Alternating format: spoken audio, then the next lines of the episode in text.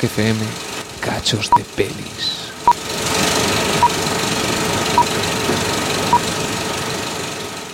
Entonces iremos a cenar y después a ver una revista. Y se acabó porque el jueves próximo vuelve a jugar el primer equipo. ¿Eh, ¿Qué le pasa a tu sombrero? Bueno, a lo tuyo, Linus. Ya vuelvo a tener aspecto de enterrador. Y tú deberías volver al agujero de tu hamaca. ¿O cuál, Sabrina? Buenas noches, Linus.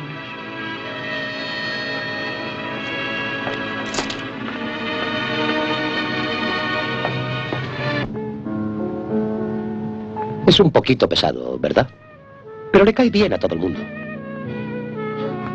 Bésame, David. Encantado, Sabrina.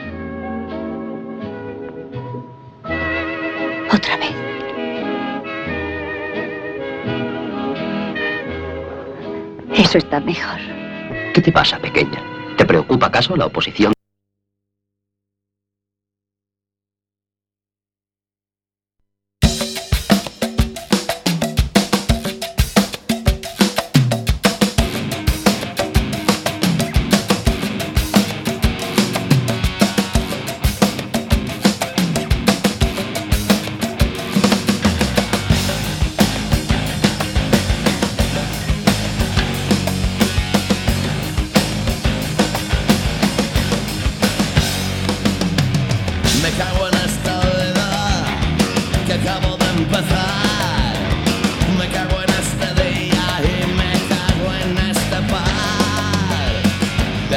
buscas para mí la felicidad.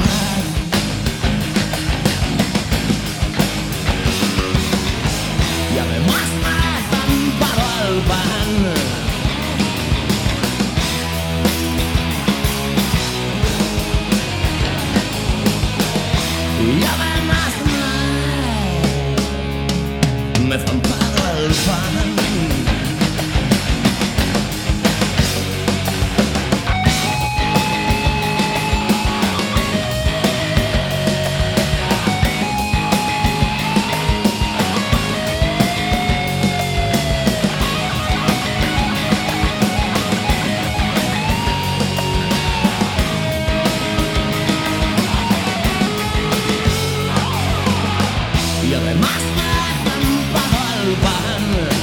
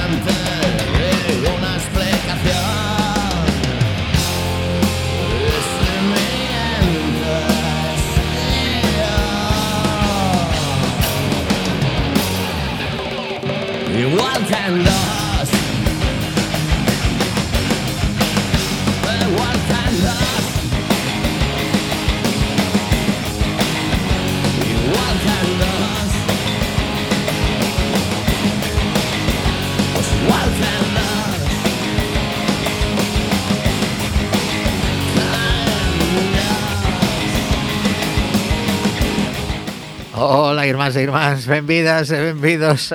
Bueno, primeiro nos damos a benvida a nós mesmos. Foi unha odisea chegar ata aquí.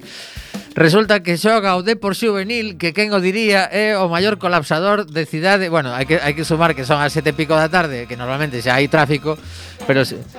Claro, eh, Sintouse todo. Sí, sí, sí. Bueno, pois pues, eh, aquí estamos de novo o, o trío. Ademais, ata temos a Isa que mellor en algún momento a, nos pode ceder a súa voz para saudar polo menos un momentiño eh, sería unha, unha alegría completa. Eh, Beula Lume, moi boas, que tal? Hola, moi boa tarde, a pesar da choiva, a pesar dos atascos, a pesar de todo, alegría, que é o que nos queda.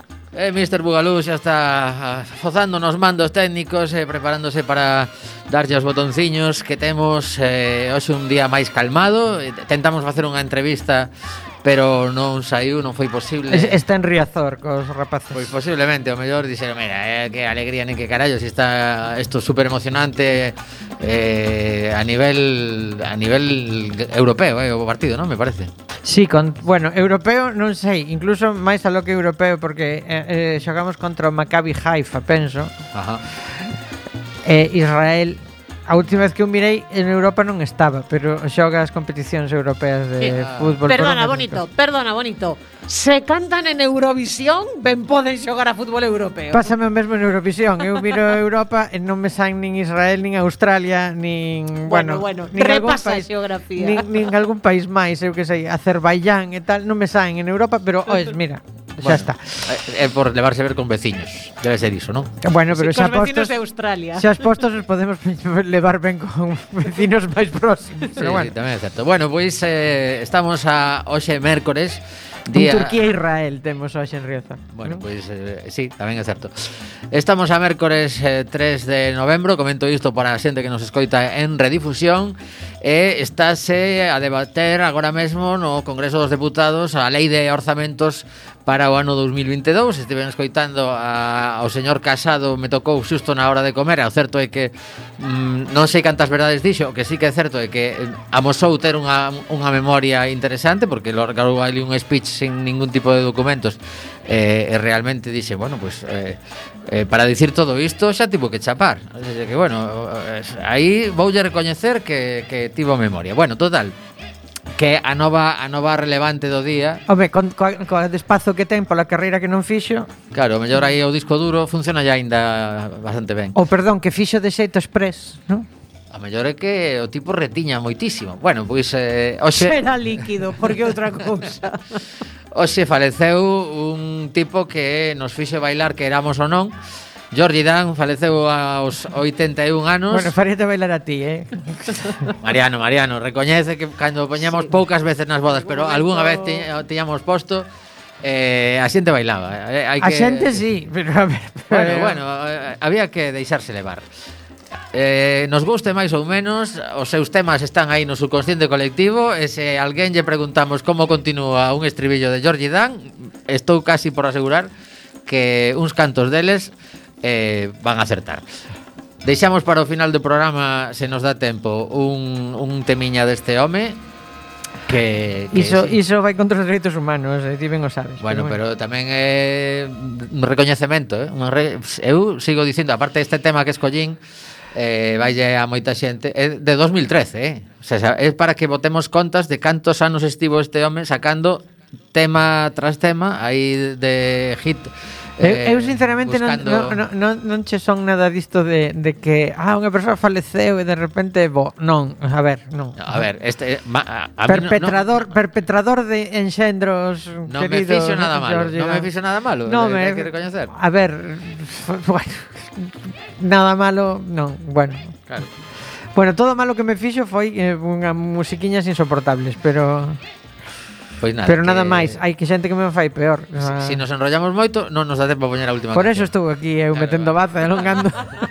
para evitar algo. Para evitar como sexa. Bueno, pues, este, este programa tiña un criterio antes. Tiña, tiña. Pois pues, que xa, como estamos na 19ª tempada xa, se vai perdendo este, ata o criterio. Este rollo ia de poñer boa música tamén. Bueno, pois pues, veña, empezamos con boa música, entón. Ala, traemos a uns tipos e dúas, dous, dous tipos e dúas tipas que chegan mañán ata a nosa cidade no que será o primeiro concerto internacional da, da Sala Mardi Gras. Mas aí falamos xa, grupaso. Sí. Pois a verdad que os Dirty Dancing Incestos veñen con gañas, chamanlle a súa música como unha especie de happy hard rock, que, que tenta fe, facer que, feliz. Que falta nos fai, que falta nos fai. Moita falta, moita falta. Bueno, pois a base de guitarrazos e eh, de meterse co público, hoxe mesmo publica unha entrevista con eles eh, la opinión e eh, eh, bueno, agardamos pasar mañá a iso das nove pico da noite na, na sala Mardi Gras pois un, un borrato de, de rock and roll con estes eh, artistas que se chaman The Dirty Dennings esta canción mm, pois nada mellor que este título para comenzar un programa. Ready, steady, go.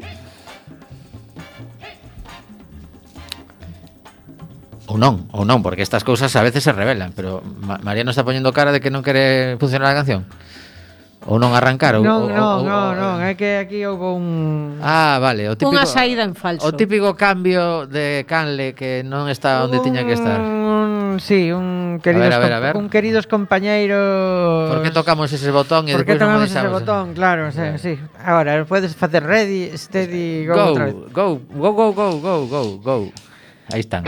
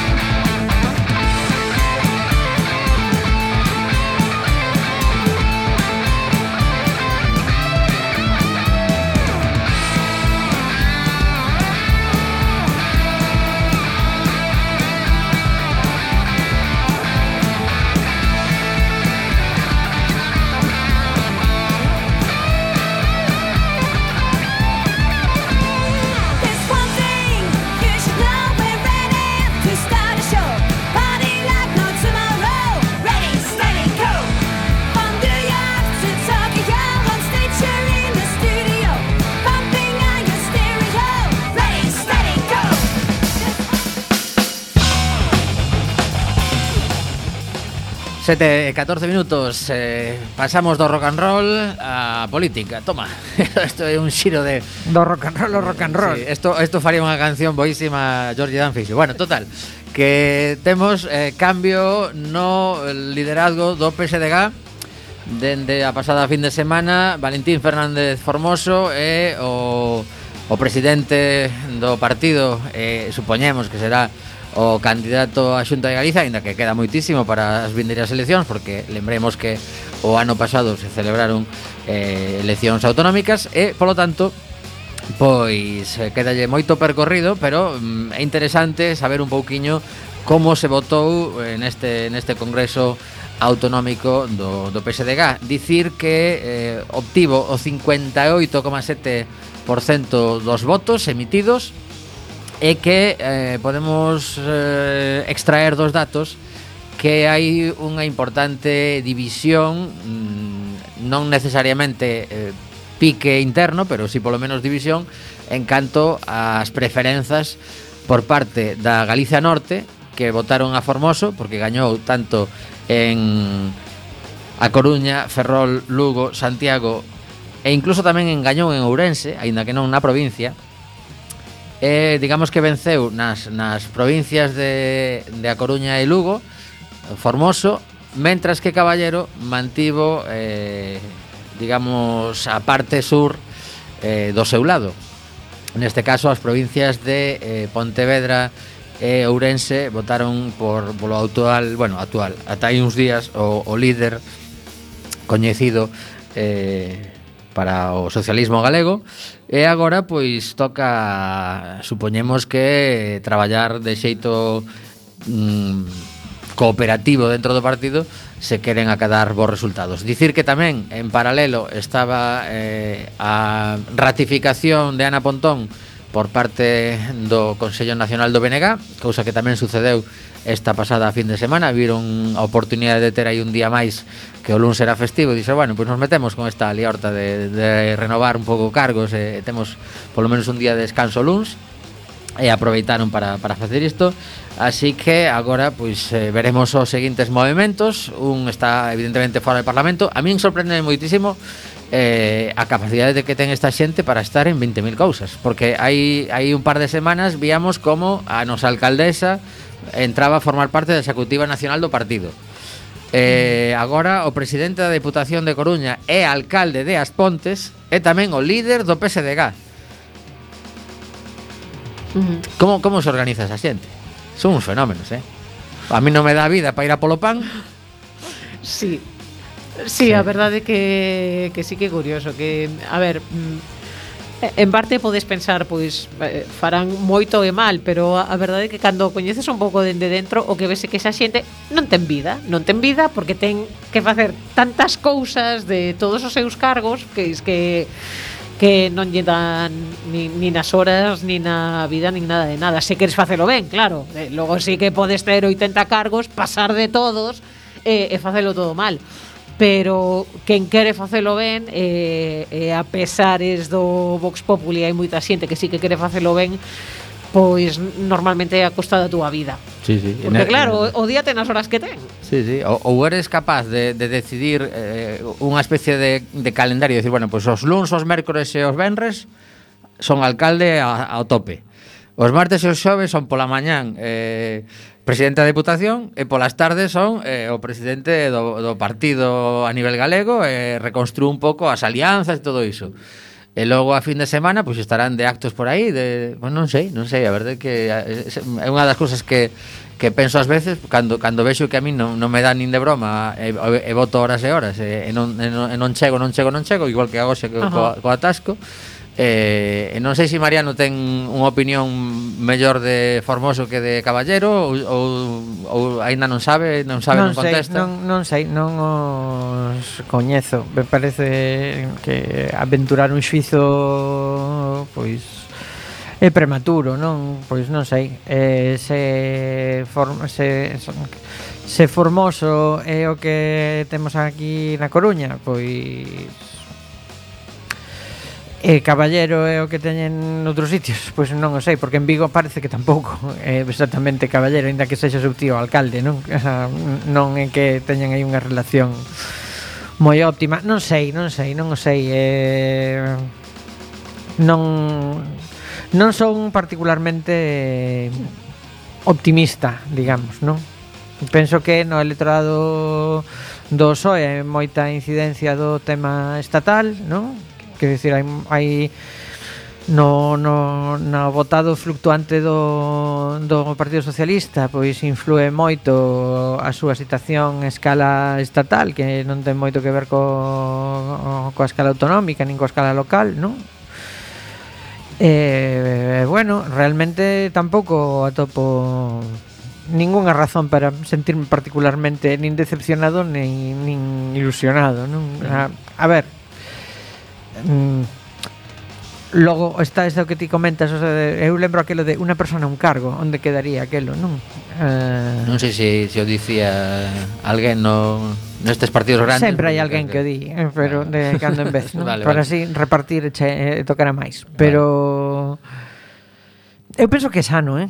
Eso de unha persoa un, un cargo, porque ao final o que eh, eh, eh vou tirar por sitio por un sitio inesperado, ¿no? Uh -huh. Por un sitio por lo que nunca tira ninguén. Eh, ao final o, as persoas que xecen a política tamén son persoas. Eh, un traballo 24/7 eh, non é saudable para ninguén, nin para a familia de ninguén, quero dicir.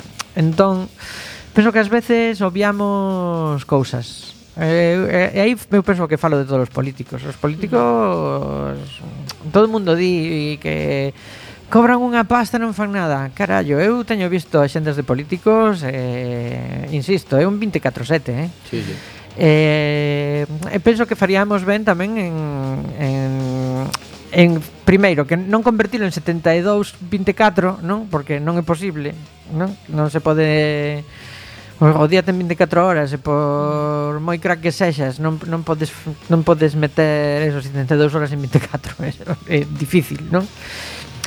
E, e por outro lado deberíamos ser quen a estas alturas da historia no século XXI non? de ir articulando o, mecanismos para que a xente que dedica a, que, que decide dedicarse ao servizo público ao servizo dos demais, non? Pois poda ter unha vida máis ou menos normal, porque a tal hora uh, non se produce iso.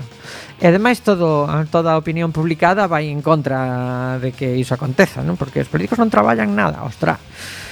Pois para non traballar nada, uh, carallo, están en todas partes todo o tempo, non? É, pos eh, é posible que eh, se nos imos a analizar mm, así polo miúdo o que fan algúns, non digo todos, eh, algúns senadores, a mellor así a, atopamos claro, aí. a ver, quero dicir, nun grupo parlamentario, postos, nun eh. grupo claro. parlamentario gigantesco, non, de un partido moi grande, pois igual pode haber algún que que este un pouco de vacacións, eh, non é moi adicto ao traballo, pero mm pero a min dame a sensación de que non é, bueno, non que me dá a sensación, é que me consta que non é precisamente unha cuestión habitual, quero dicir, eh, xente que ten moitas horas de dedicación. Outra cousa é que se eso se considera unha dedicación máis produtiva ou máis afín ou máis o que sexa, pero a dedicación eh, eh, ainda que eso é eh, a parte do exercicio de escoita activa que deberían non deberían facer para que os seus representados, non? Mm. Pois, a ver, que non é un traballo tan doado, eh? eh nin tal. Parece un pouco excesivo que unha persoa aglutine tanto tanto cargo precisamente por iso, non? Porque un chollal eh, importante non penso que non é bo nin para el, nin evidentemente para as persoas que dependen del, nin para os administrados, porque ao final Tal. E logo, sobre o resto, pois sobre o resto, supoño que mm, de expectativas, as expectativas polo xeral, eh, o único que o único que pode facer é dano. Entón, agardemos a, a ver os acontecementos Xa digo, eu particularmente eh, Os nosos ointes saberán que Non é que mm, Eu comulgue moitísimo Con, con o Partido Socialista non? Así a priori eh, non espero non espero cambios espectaculares. Bueno, pois estamos damos tempo a este a este home e agora imos de excursión ata Madrid, xa falando de, de política, vamos meter noutro terreno porque o que sí que está claro é que hai determinadas persoas que teñen unha ambición que ao mellor o resto nos custa pillar. Hai algunhas persoas que incluso teñen dúas ou tres. Sí, sí, neste caso eu non sabía que había porque non, non, non me dá eso, como dicía antes, non, non me dá para estar enterado de todo o que sucede e como debe ser que que surdiu hai pouquiño esta polémica, a pugna por controlar o Partido Popular Madrileño é máis que evidente e a crise de poder na rexión está no punto álxido. Nestes últimos días sabi, eh, soubose que a presidenta da Comunidade de Madrid ten bloqueados a membros do partido como Teodoro García Ejea, ou tamén eh, apareceron filtracións que presentan a táctica de Ayuso para presidir o PP de Madrid. Isto está publicado en Diario Público. Sí, que, que os teñen bloqueado en WhatsApp debe ser WhatsApp ou, ou, un, ou en redes sociais, non sei. Sí, sí, en WhatsApp. Ah, en WhatsApp, o, o bicheste por aí.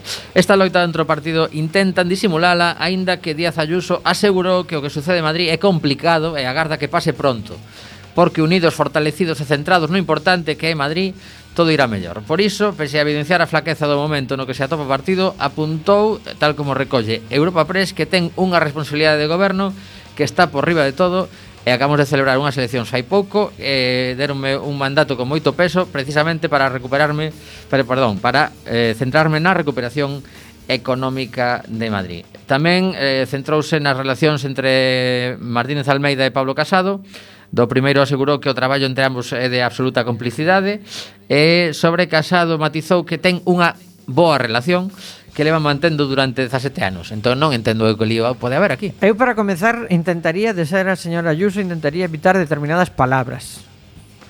Porque cando di cando di que ela e o alcalde de Madrid teñen unha mm, absoluta complicidade Absoluta complicidade, eu non, non, non utilizaría esa palabra nese partido. O sea, por si acaso, eh, por lo que poda acontecer. Logo, um, Pois, bueno, hai unha loita aberta. Eu entendo que é bastante evidente para calquera observador Que, que bueno, que Ayuso co resultado que tivo en Madrid Que ven sendo a xoia da coroa do Partido Popular nestes momentos Pois, eh, aínda que non o diga Aspira a máis, vendo sobre todo que, que a zozobra habitual de Pablo Casado e de Teodoro García Gea cada vez que falan no Congreso, pois É evidente, pois pois ela aspira algo máis porque como gañou as eleccións pensa que os seus dislates na Asamblea de Madrid son máis rentables a nivel electoral, non? O sea, a, a ver, a mí me parece todo un pouco un delirio, porque a mí o que me dá sensación é de que para ser o Partido Popular un partido que pretende ser de goberno, Pois agora mesmo o que teñen na súa na súa representación máxima tanto a nivel estatal como na Comunidade de Madrid, pois é un montón de ocurrencias eh, populismos que coquetean co extrema dereita todos os días pares eh, pouco máis, quero dicir eh, moita estrategia made in Steve Bannon el, o asesor de Trump no? que, que moito, moita realidade alternativa moita fake news, eh, pouca chicha Entón, que se líen agora mamporros entre eles cando non acaba de non acaban de ofrecer algunha alternativa sólida por máis que que, que a señora Ayuso a votaran nun momento de xenación de xenación mental transitorio un montón de xente en Madrid entre elas os hosteleiros que se arrepentiron pois a menos de dous meses despois de tela votado pois Non sei, non sei, eh, non sei, pero eu xa non entendo nada disto, eh? Quero dicir, eu falo dende un punto de vista que penso que é eh, racional, non? Pero, pero que estamos a falar dunha persoa que aí nada dixo aquelo de que que ben que se vai a coñecer que pasaba cos pobadores de Madrid no paleolítico e a súa cultura tabernaria, non? O sea, en vez de cavernaria. Eh, eh quero dicir, E xente que non dá un mínimo así a priori, non? Pois mira, non lleva nada mal, eh, de feito acaba de anunciar Bueno, non eh, lleva nada mal a ela, igual non, pero pero os madrileños valles peor do que eles creen, incluso. Bueno, non? eh... só hai eh, que ver os datos macro da súa comunidade, pues eu pois que mira, sei. Eh, déxame, Atención déxame sanitaria, un, un apuntamento educación, aquí claro. porque precisamente están presentando tamén os orzamentos da comunidade de, perdón, do, do, do, sí, da comunidade de Madrid para o vindeiro exercizo e eh, presentan unha baixada do tramo autonómico do IRPF de 0,5 puntos para todas as persoas, polo tanto aplican a mesma reducción aos ricos que aos máis pobres. Sí, todo moi coherente. Sí. E eh, a, o cálculo é que van descender os ingresos da comunidade en 334 millóns, que o mellor para eles é, é, é pouca cousa, pero seguramente cando ao mellor chegue algunha solicitude de, de partida para para cousas e, e a resposta é xa que non hai cartos, pois o mellor alguén se lembra deses 30, 334 millóns de euros. Non, que, que va, que... cando, cando iso aconteza e non haxa cartos dirán que a culpa é do goberno central que non lles transfire algo. Ah, está ben pensado. Claro. É unha táctica boa. Bueno, pois nada, deixamos a política eh, por uns minutos Imos a poñer a segunda canción do programa E temos xa a Bea preparadísima coa Econova Que a semana pasada nos deixou deberes a punta pala E hoxe, pois, a, a, a ver que, que nos trae. Hoxe decidín recuperar precisamente unha banda madrileña Desas de, de, de moitos anos Que son Burning xa que Ademais moi simbólico, falando do que estamos a falar. Que te crees? Que a, a tirai así sin fío, ¿no? No, Esto es una tracorera. Venga, dale ahí, dale ahí. Esto es Burning. Ah, bueno, que está Sabina tamén neste directo. Así que a festa completa. Pongamos que os falo de Madrid. Veña.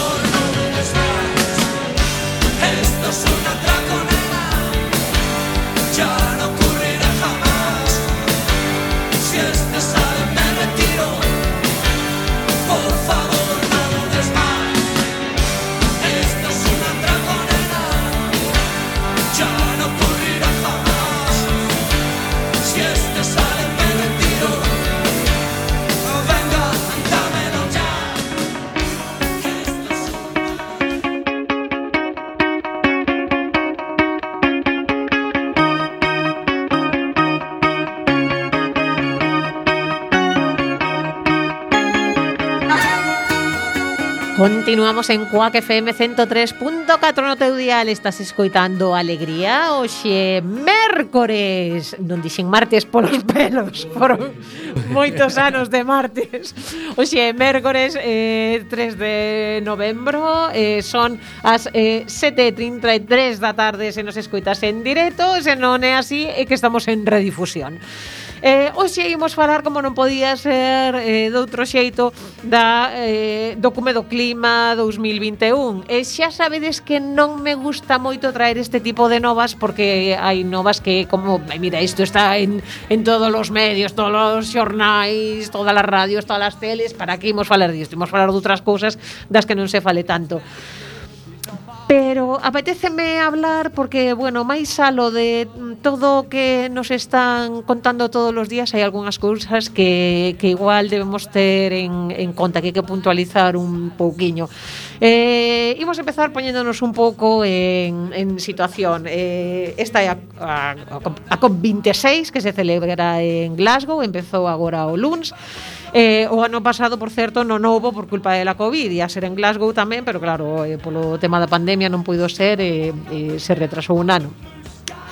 Eh, o nome real ven sendo a Convención Marco das Nacións Unidas sobre o Cambio Climático, que a partir de 2019 ten 197 partes que lles chaman, eh, que inclúe todos os estados membros das Nacións Unidas, así como eh, a NIUE, que ven sendo un estado que non é estado exactamente, as Illas Cook e a Unión Europea. Isto foi moita graza, porque quero dicir, a Unión Europea non quere dicir que contase como un toda a Unión Europea. No, no, quero dicir, contanse dentro dentro desas 197 partes. Eh, Noruega, Francia, España, etcétera, etcétera, e a Unión Europea en sí mesmo, que bueno, non está mal. E ademais, isto é curioso, a Santa Sede e Palestina son estados observadores que os saibades. Boa, ese tiene que ser un chollo bo. que sí. Mariano, apúntate aí. Eh... Apúntate aí de observador do Vaticano neste tipo de sedes. Ui, vai ser que non, eh. De, de movidas. E eh, bueno, non... Sí, home, que é observador, nada máis non adoitamos falar de Convención Marco das Nacións Unidas sobre Cambio Climático, falan da COP, eh, COP refírese a eh, Conferencia das Partes, eh, Conference of the Parties, por isto que vos digo das 197 partes que, bueno, pois pues, chamanlle a Conferencia das Partes. Ben, unha das principais tareas da COP é a de revisar os compromisos nacionais de reducción de gases, de efecto invernadoiro, as chamadas contribucións nacionais determinadas. Xeralmente o que fan durante a primeira semana é eh, pois teñen lugar resolucións de carácter técnico elaboradas por equipos científicos de todo o mundo. E os últimos días xa se dan cita os xefes de Estado e Goberno, os ministros responsables da xenda climática de cada país, etcétera. E estas son as declaracións que permiten coñecer as posturas das distintas partes implicadas e deducir que probabilidades hai de chegar a novos acordos sobre reducción de emisións. Eh, ben, con respecto a esta COP en concreto, xa nos últimos meses traballouse para intentar pechar acordos puntuais durante a mesma COP. Por exemplo, eh, búscase un amplio número de países que se comprometan a abandonar eh, o carbón para xerar electricidade. E iso, aínda que xa se estuvo traballando antes e aínda que todavía non chegamos ás conclusións finais, xa se dá por feito que hai moitísimos países que están de acordo en que o carbón hai que reducilo como sexa. Bueno, non, non está mal. Eh, tamén eh, deixar de producir eh, coches de combustión en 2035, eh, bueno, se seguirán producindo, pero se en 2035 non hais. Eh, máis de medio centenar de países tamén se van comprometer a reducir un 30% as emisións de metano en 2030, que por certo, creo que foi precisamente hoxe que xa dixeron que sí. Quero dicir, estamos falando do traballo previo. Ben, pois hoxe xa dixeron que sí, que, se, que hai compromisos con respecto ao metano e tal Mm, Isto ven sendo importante, eh. quero dicir, isto que vos estou contando, bueno, inicialmente se fala tal e logo xa van os compromisos, unha cousa que se está vendo nesta COP concreta é como que esas cousas que normalmente se adoitaban deixar para o final xa se están facendo ao principio. A mí a sensación que me está dando esta COP é que hai como máis ganas. Non quero dicir que que vai a servir para nada en sí mesmo, pero mm, incluso, eu, incluso pode ser que haxa máis susto porque a xente está vendo que realmente temos xa en riba. Pode ser que sí e pode ser que tamén haxa máis presión, quero dicir, a nivel global pensade que eh, eh quero dicir, con estas cousas empezaron que en no 92 son agus así. No 92 todavía había moitísimo moitísimos os negacionistas do cambio climático, ou non lle dábamos tanta importancia, ou non tal. A día de hoxe estamos todos co cu un pouco apretado xa non catro gatos. Mm, na sociedade falase moito disto, hai preocupación. Eu entendo que os políticos, pois haberá moitos políticos que realmente estean preocupados e haberá políticos que tamén estean preocupados polos seus votos, por dicir, se isto é algo que preocupa a sociedade, é algo que me ten que preocupar a min, se quero que me volvan votar. Así que, bueno, sexa por unhas ou por outras, pois non imos mal. Unha das cousas que se está falando moito é que nesta COP houbo plantón eh, do, de dous líderes moi relevantes. Eh, Xi Jinping, o chino, e Vladimir Putin, o ruso. Rusia e China pois queren manter un pulso frente ao, ao outro bloque, digamos, formado pola Unión Europea ou Estados Unidos. Entón, estáse falando moito desto, eh, hai organizacións, eh, ONGs que din que eh, esta COP vai perder parte da súa razón eh, se non están implicadas tanto Rusia como China, porque mm, son dos países máis contaminantes xunto con Estados Unidos e India e tal. A ver, Mentes estivo Donald Trump eses 4 anos, mm, Trump tampouco apareceu moito por ali. Hai que dicir unha cousa, eh, que non aparezan eh, os líderes principais de China e eh, eh, Rusia non quere dicir que China e Rusia non estean, porque van mandar aos seus ministros ou encargados corresponde, pero digamos a xente de segunda fila. Uh -huh. Entón, falase moito de é que Rusia e China non están. Bueno, a ver, están, pero como que políticamente están facendo a súa xogada de xadrez, porque as cousas como son, mm, este lugar tamén mm, se aproveita pois para temas de tensións políticas doutra índole, pero estar están aí. Uh -huh. eh, China, por exemplo, leva tempo dicindo que, bueno, aparte de que eh, aquí moitas veces falamos de cousas incribles que está facendo China eh, a nivel de, de, de loita contra o cambio climático e tal, eh, están dicindo que queren ser líderes do, da loita contra o cambio climático. Entón, bueno, claro, xa dixo eh, Joe Biden, bueno, pois pues, se queren ser líderes de, de, da loita contra o cambio climático deberían estar aquí. O que quero dicir é que Eh, hai que saber un, delegar tamén. É eh. un sí, pero non. Quero dicir, isto claro. igual hai que entendelo máis como un xogo político máis que como un problema real en a ver, que pode ser o que o mellor aproveitan para que certos acordos aos que se cheguen pois pasar un pouco do tema porque total eu non estiven ali moi oficialmente e tal.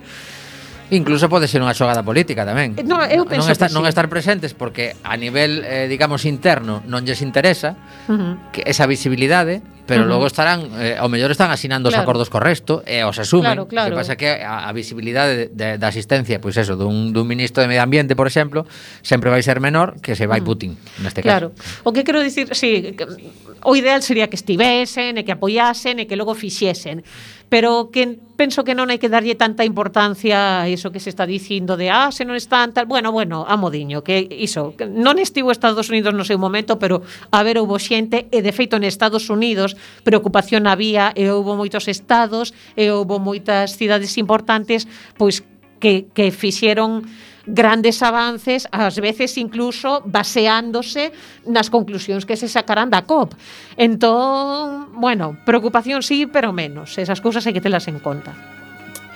Bueno, está previsto que asistan 25.000 persoas de todo o mundo, haberá delegacións de 200 países, eh, outra cousa que se está falando moito, E chegan os presidentes en jets, en limusinas eh, ou, ou en, en ou, chega eh, Joe Biden nun cortejo de non sei cantos coches e tal. Vale, o ideal sería que chegasen todos en autobús. Pero, en bici, muller, en bici. Huele, sí, pero, pero é un pouco tamén o chocolate do loro. Quero dicir, é máis importante que Joe Biden um, colla un Joe Biden ou Pedro Sánchez ou Boris Johnson, dame igual, todos esos, que collan un jet e que estean, o importante é que estean. E non dicir, bueno, pois por non coller un jet quedamos na casa. A ver, xa iremos mellorando, xa iremos mellorando, eh, pouquiño a pouco. Hai outros que sí que colleron trens, eh? hai, hai un pouco de todo. Entón, vale, está ben está ben a crítica construtiva, pero o digo sobre todo porque, volvemos ao de antes, estamos co, co pesan, eh, igual que estamos co pensamento negativo de Senovan, China e Rusia, isto non vale para nada. Bueno, pois non é certo, e tampouco é certo dicir, pois se van todos os líderes en jet, isto non vale para nada. Sí que vale, sí que vale, a ver, eh, busquemos os equilibrios de todo o bo que pode sair de que falen, de que haxa eh, acordos e eh, de que todos nos mentalicemos cada vez máis. Os obxectivos este ano son limitar o ascenso da temperatura global a menos de 2 graus e se pode ser a menos de 1,5 Bueno, mellor, a mí isto dos 2 graus non me gusta nada, eh? Greta Thunberg xa vos digo que ten un cabreo monumental. E reducir os gases de efecto invernadoiro a cero para o ano 2030. Eh, por primeira vez vanse analizar os pasos que se deron eh, nos países nestes dous camiños. Ou seja, van a empezar a sacar números e van a empezar a dicir realmente estamos facendo ben ou estamos facendo mal. Que, bueno, mm, ben, quero dicir, Isto en sí mesmo eh, non quere dicir que logo se vayan poñer a traballar, pero eu penso que que sí que pode servir, aínda que sea para un poquiño, sabes, que que bueno, que que sí, que hai eu penso que hai ganas. La, eh, a Unión Europea quere posicionarse no cumio como potencia climática e liderar incluso por diante dos Estados Unidos a mensaxe de que hai que cumplir cos compromisos alcanzados. España parece que está ben posicionada en materia climática, ademais sacou a, a lei de cambio climático, transición enerxética, tal.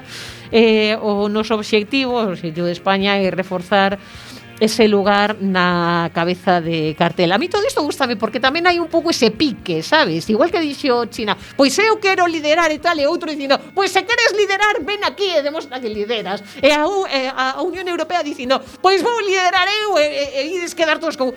Gústame iso, a ver se se Home, pica eu, eu, É un pique positivo neste caso, claro Exactamente, exactamente. claro, claro. Eh, eu reciclo máis que ti. No, sí. no, tal que, era, que é algo que antes non vías. Por iso vos digo que nesta COP Que parece que hai cousiñas que antes non se vían tanto.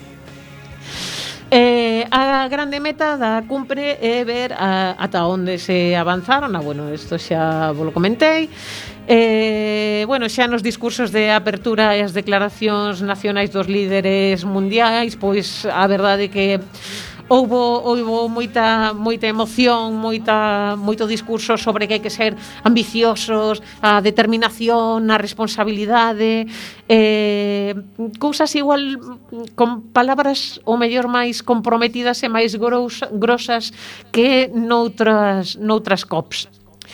Eh, por outro lado, hai que dicir que Reino Unido, Noruega, Alemania, Estados Unidos, Países Baixos eh, e 17 doantes estadounidenses comprometeronse a apoiar con 1.470 millóns de euros os poblos os povos indíxenas eh, daqui a 2025. Por que? polo seu papel como protectores do territorio e aliados na loita contra o cambio climático pois din que os povos indíxenas e as comunidades locais administran a metade da terra. Toma xa. E cuidan do 80% da biodiversidade do planeta.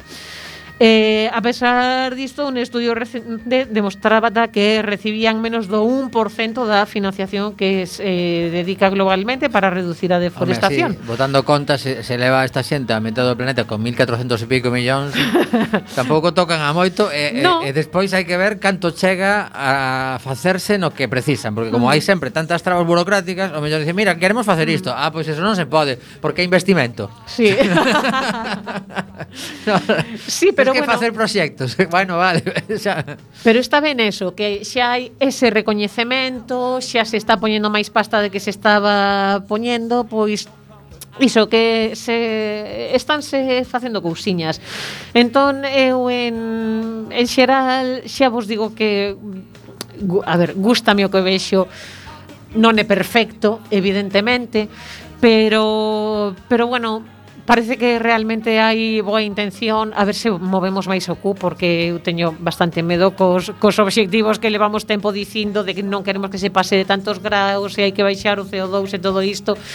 E todavía, bueno mm, non están sendo tan contundentes como debería pero sí que dá a sensación de que cada ano como que se animan un pouquiño máis. Uh -huh. eh, e aí tamén temos que estar todos e todas animados como sociedade porque polo, polo que dicía antes. Para empezar, porque os políticos saen da sociedade. Se a sociedade está concienciada, os políticos van estar concienciados.